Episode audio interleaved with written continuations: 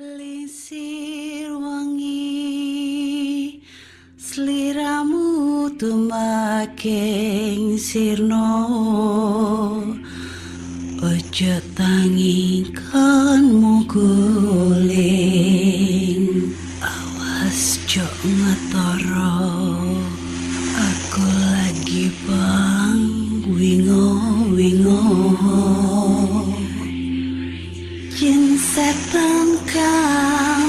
Hai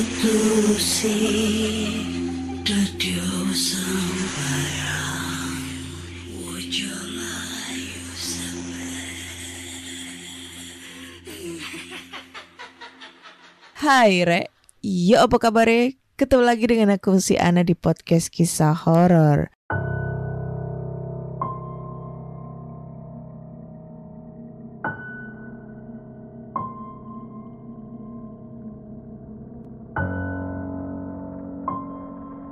Dan di episode kali ini aku akan bacakan cerita horor ataupun email berhantu yang sudah dikirimkan teman-teman melalui podcast kisah horor at gmail.com atau di Instagram podcast kisah horor serta Google Form yang lainnya tersedia di bio Instagram podcast kisah horor. Seperti biasa, kita akan membacakan cerita-cerita horor nih yang udah masuk di email, Google Form atau yang ada di DM yang udah banyak banget dan cerita kali ini kita bacain dari Alfa ya. Halo Ana, salam kenal. Perkenalkan aku Alfa. Saat ini aku berumur 33 tahun. Hmm, beda setahun ya. Dua hari ini aku ingin mendengarkan podcast horor dan ketemulah podcast kisah horor. Rupanya seru juga aku mendengarnya. Sehingga aku ingin sekali berbagi cerita horor pribadiku. Izinkan aku berbagi cerita hororku ya. Aku kasih judul pengalaman magang di Kalimantan Selatan. Pada tahun 2013, aku kuliah di Yogyakarta dan sudah semester 7, yang di mana teman-temanku adalah junior-junior. Sedangkan teman-teman seangkatanku sudah lulus tahun 2012. Akhirnya aku bisa magang di tahun 2013. Bulan Maret, bersama dua juniorku bernama Ainun dan Nurul ke Kalimantan Selatan selama tiga bulan. Kami magang di perusahaan pabrik kelapa sawit. Kami berangkat bulan Maret ke Kalimantan Selatan menggunakan pesawat. Kami sesampai di Kalimantan Selatan langsung menuju ke perusahaan kelapa sawit tersebut. Sesampai di sana, kami bertemu dengan seorang manajer training yang di mana Selama tiga bulan ke depan, beliaulah yang akan membimbing kami dan mengajarin kami perihal proses pembuatan minyak goreng dari awal sampai akhir. Lalu beliau mencarikan kami tempat tinggal untuk kami nginap selama tiga bulan penuh.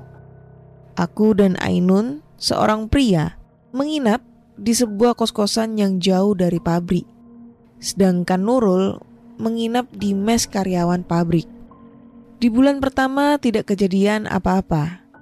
Ketika kami sudah berjalan dua bulan, suatu hari aku izin tidak masuk karena sakit. Kondisi kos-kosan sepi banget. Ibu kos dan bapak kos tidak ada di kos-kosan. Karena mereka sekeluarga memang tinggal di kos-kosan kami berdua yang kami tempatin.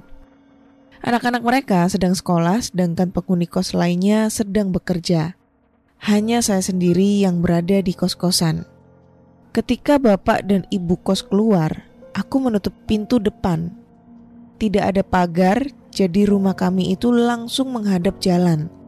Tidak ada pembatas antara jalan dan rumah kos-kosan. Lalu aku ke kamarku dan menutup pintu kamarku. Aku hanya beristirahat, tetapi tidak tidur, menikmati rasa sakit di tubuhku aku mendengar suara banyak anak kecil sedang tertawa di ruang tengah. Padahal pintu depan sudah aku tutup. Pintu itu adalah pintu jati. Jika anak-anak kos lain pulang, pasti akan terdengar suara pintu terbuka dan setiap kamar-kamar kos itu berbahan triplek, bukan tembok atau batako. Apalagi saat itu masih jam 10 pagi. Suasana sepi, dan anak-anak dari ibu kos belum pulang. Sambil tidur-tiduran, terdengar suara jelas seperti suara anak kecil ketawa di ruang tengah. Dan itu ada beberapa anak kecil.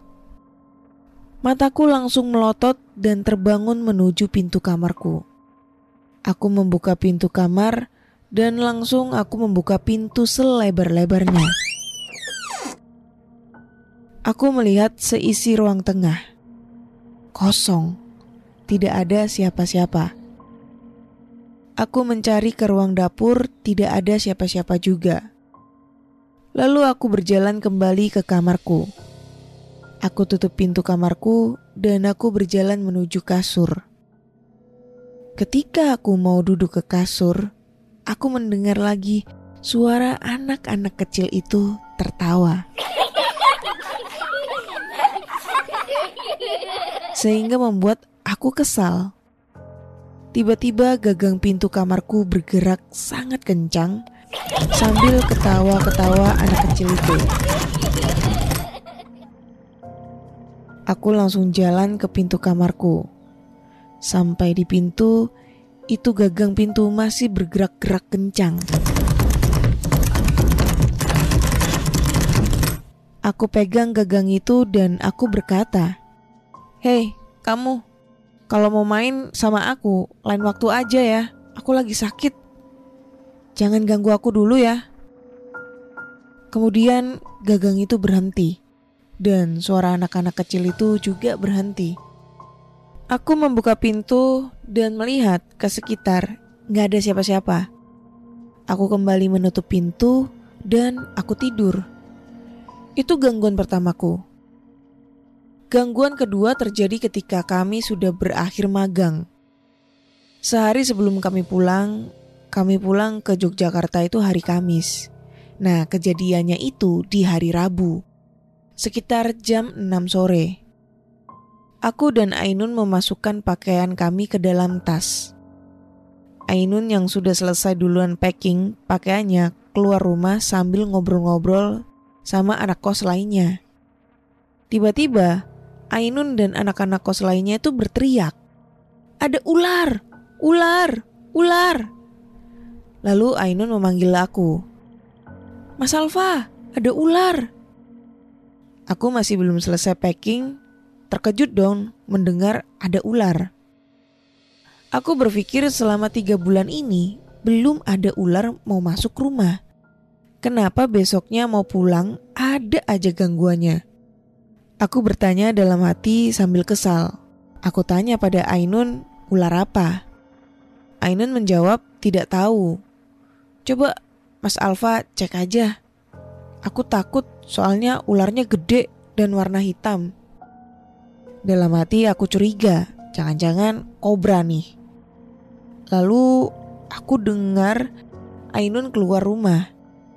Di luar rumah sudah ramai orang termasuk bapak dan ibu kos sudah berada di TKP, tempat ular itu bersembunyi. Aku yang sudah berada di TKP bertanya sama bapak kos di mana ularnya. Bapak kos yang sudah memegang kayu menunjukkan tempat kursi yang di mana selama tiga bulan aku duduk-duduk mencari udara segar. Lalu aku geser kursi itu dan ketika aku geser Langsung ular itu berdiri dengan kepala seperti sendok. Benar saja atas keraguanku tadi. Ternyata ular yang dimaksud Ainun itu adalah ular kobra dengan ciri-ciri hitam pekat dan besar tapi pendek. Perkiraanku ular ini adalah indukan. Orang-orang sekitar pada kaget, histeris, serta menjauhi, termasuk bapak dan ibu kos. Bapak kos bilang padaku, Alfa, hati-hati, kamu kabur aja, jangan di situ.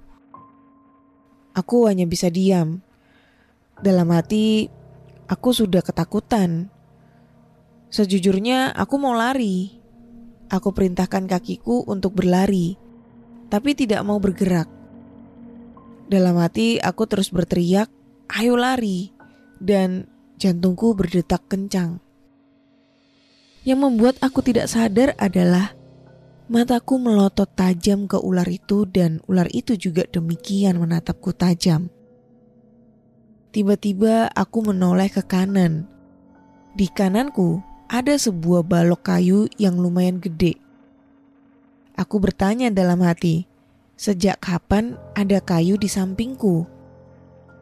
Dan tangan kananku dengan bergeraknya sendiri mengambil kayu itu. Aku memerintahkan untuk tidak mengambilnya.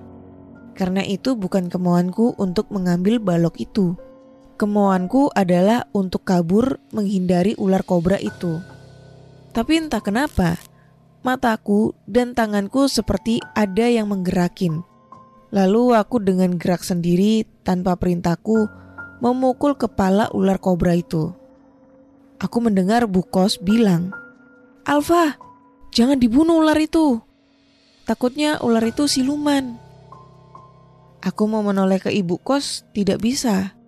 Akhirnya bapak kos bilang, Alfa, sudah berhenti.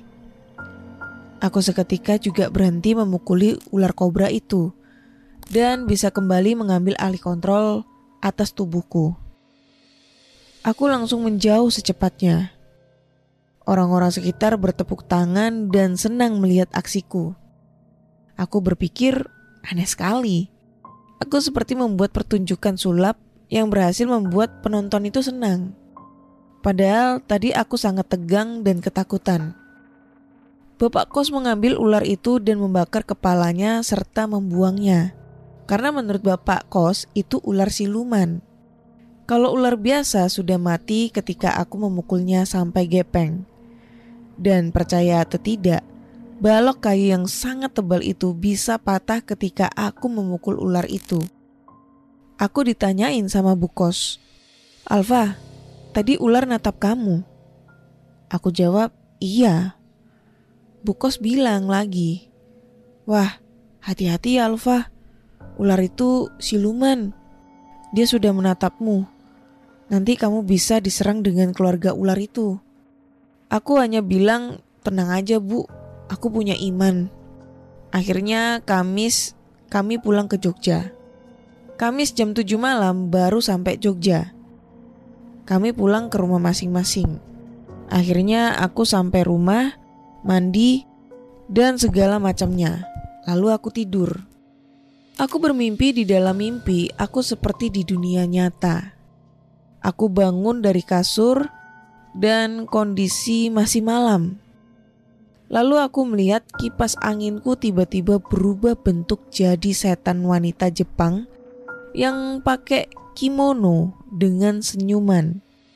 Dan hanya kepala saja yang ditunjukin. Aku refleks meninju setan itu.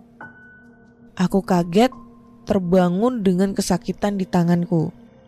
Ternyata aku bener mukul kipas angin sampai jatuh. Lalu aku tidur lagi. Aku bermimpi lagi seperti tadi. Dalam mimpi, aku bangun tidur dengan kondisi masih malam.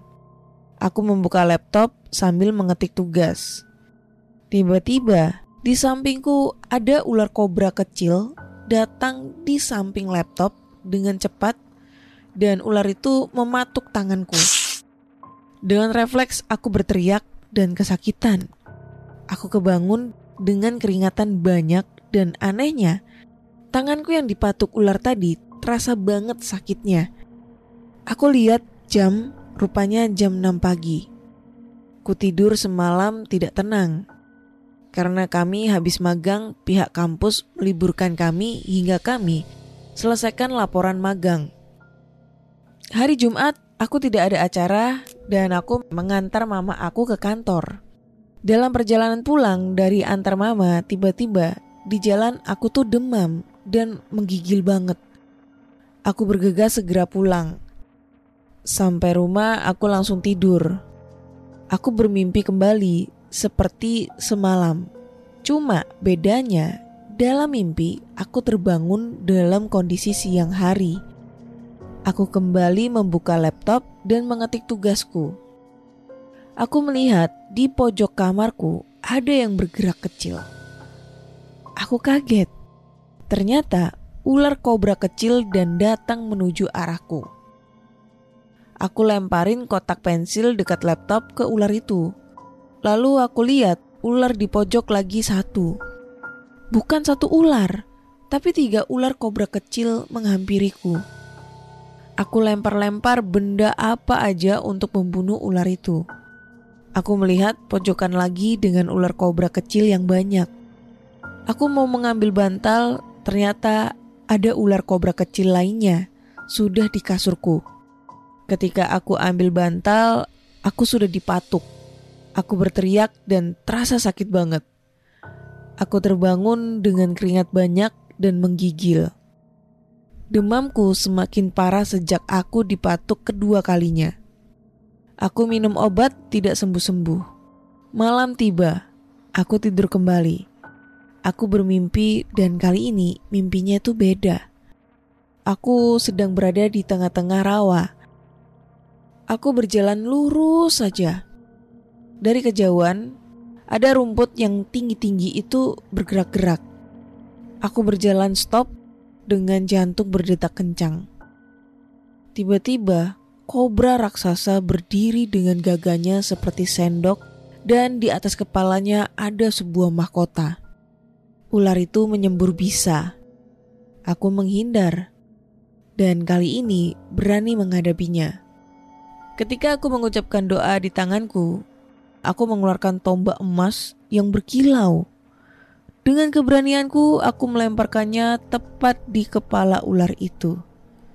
Ketika ular itu jatuh, Aku terbangun dengan keringat banyak dan aku sembuh total.